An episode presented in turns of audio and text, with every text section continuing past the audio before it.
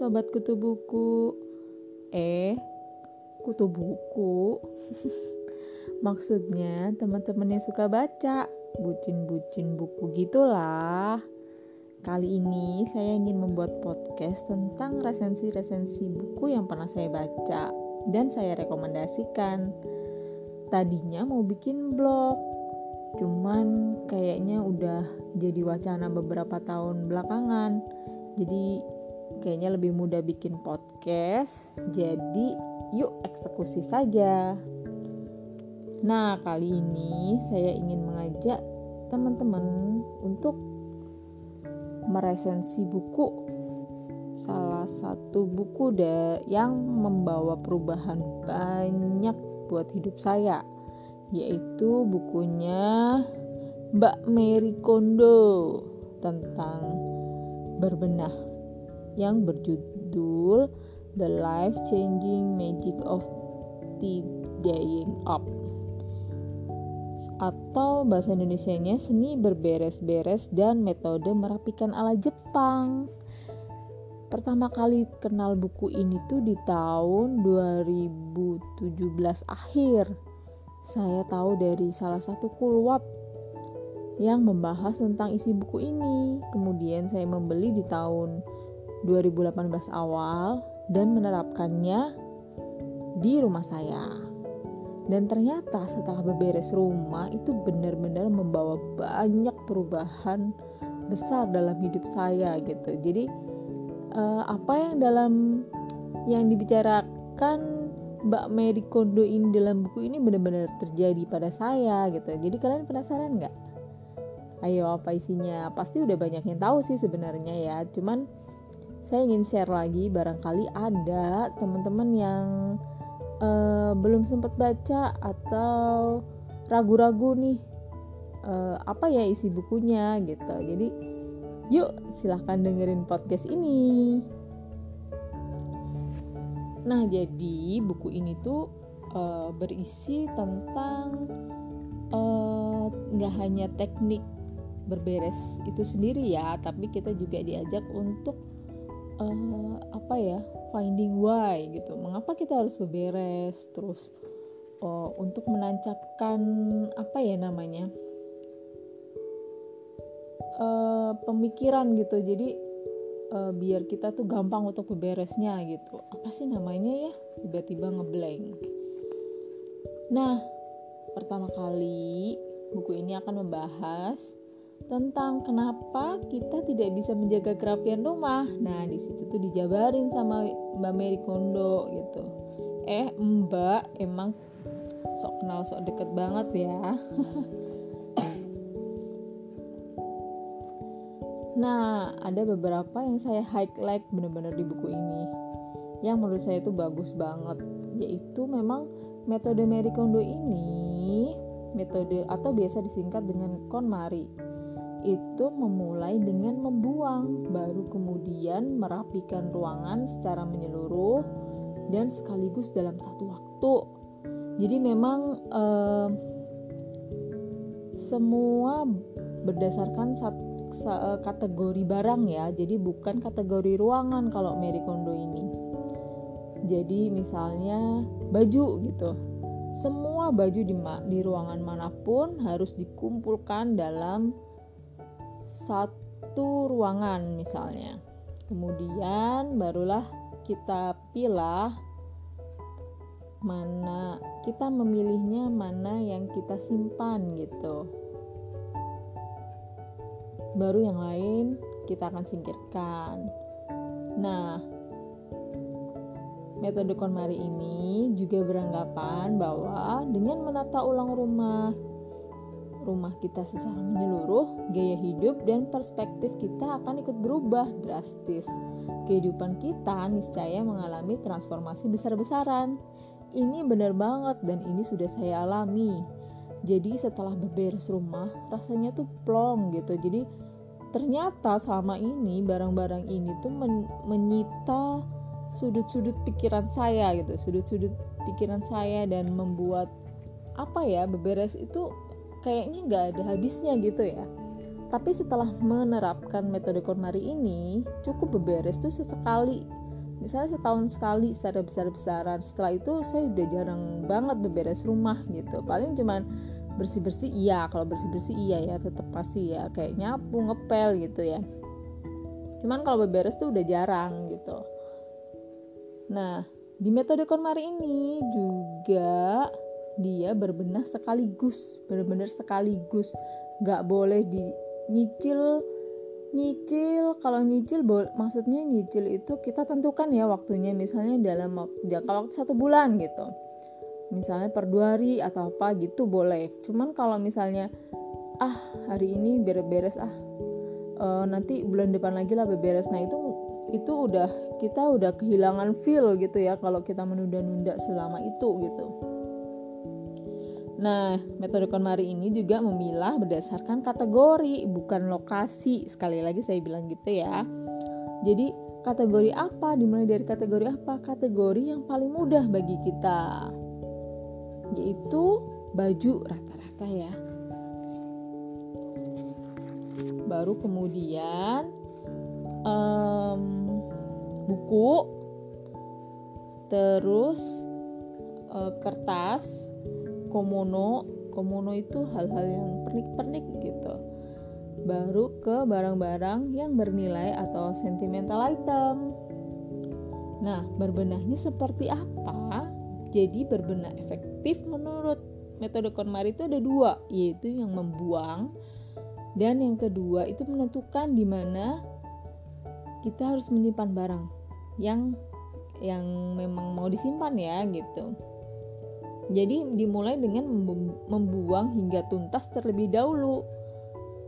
Dengan cara memang kalau baju kita kumpulkan baju di satu ruangan terus kita pegang satu-satu. Apakah baju ini benar-benar masih membawa kebahagiaan buat kita gitu.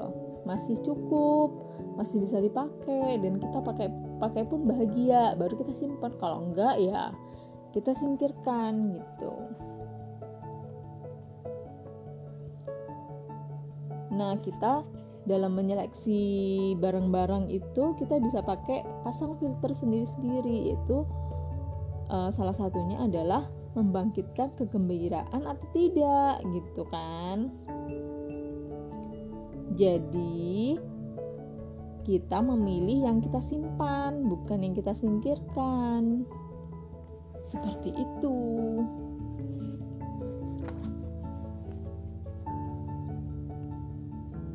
Lalu misalnya di bab 2 itu juga dijelaskan mengenai e, membuang sampai tuntas terlebih dahulu. Jadi mindset mindset kita tuh kayak benar-benar di di apa ya ditancapkan gitu.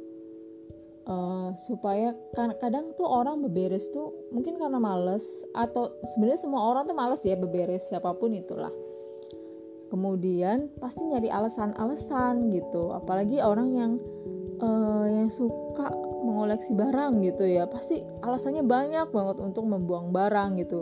Nah di bab 2 ini kita uh, apa ya mindsetnya dikuatkan gitu. Supaya kita mudah untuk beberes rumah dengan menggunakan metode ini. Jadi sebenarnya metode ini tuh saya rasa cocok untuk semua orang sebenarnya ya.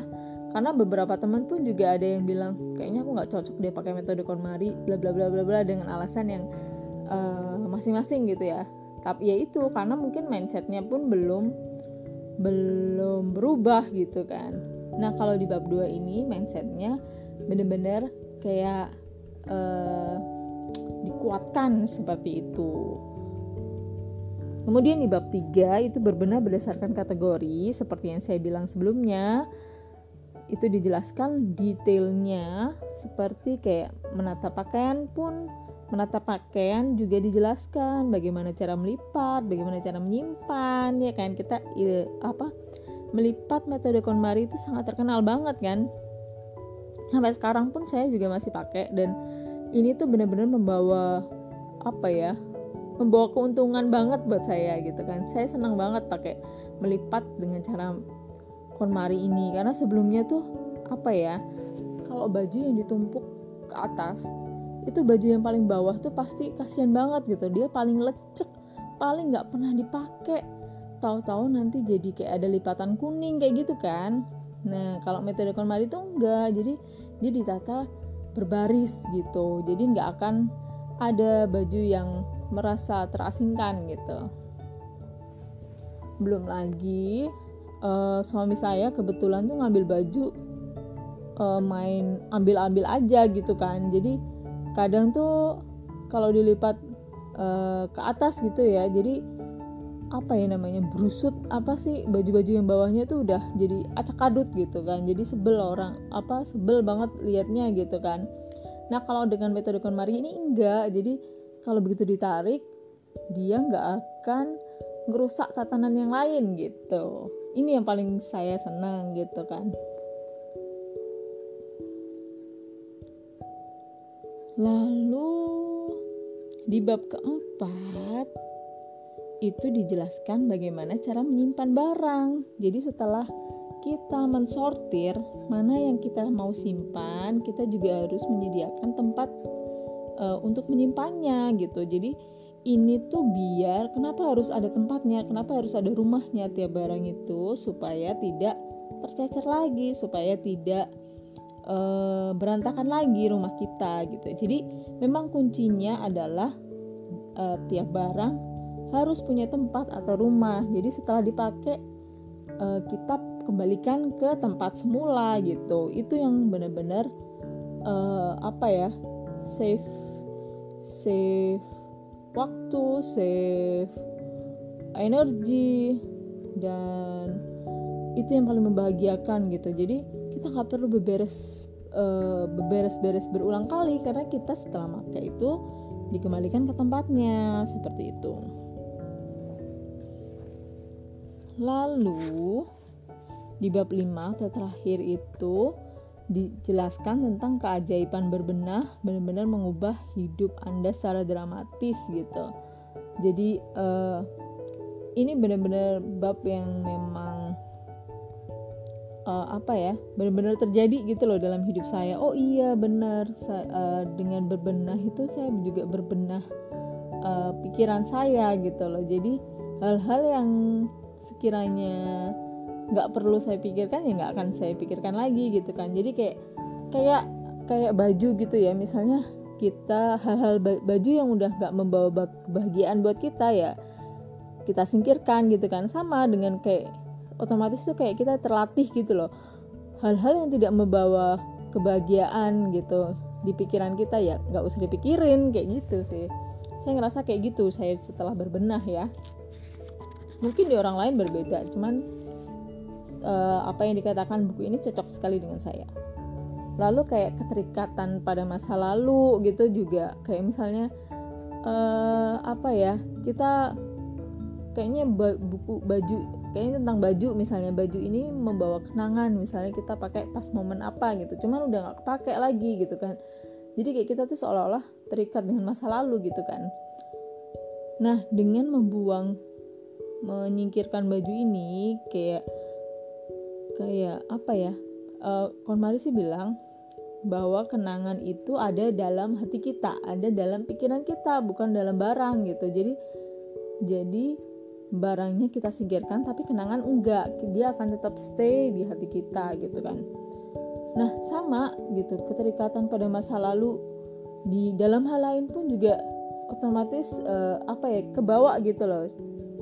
Kebawa uh, buat saya gitu terus dengan dengan apa ya dengan menerapkan dengan menerapkan hal-hal yang kita simpan tuh yang membahagiakan yang membahagiakan saja. Itu benar-benar juga bisa mengubah hidup kita juga gitu. Kayak kita tuh jadi lebih milih selektif gitu lebih selektif dalam uh, membeli barang lagi gitu pun begitu dengan kehidupan gitu. Kita lebih selektif juga memilih aktivitas atau apa yang benar-benar ya yang kita bahagia nggak melakukannya kayak gitu sih kalau saya melakukan kalau saya dapatnya ya. Seperti itu. Jadi apakah buku ini uh, recommended? Kalau saya iya. Kalau saya iya banget gitu. Buku ini sampai dipinjam sama temen sama apa gitu ya saya sih seneng banget sih bisa minjemin ya. Karena ternyata juga mengubah hidup hidup mereka hidup mereka juga gitu. Itu aja kayaknya resensi pertama saya. Nantikan resensi buku-buku yang lain ya. Bye. Nah kalau metode KonMari itu enggak. Jadi dia ditata berbaris gitu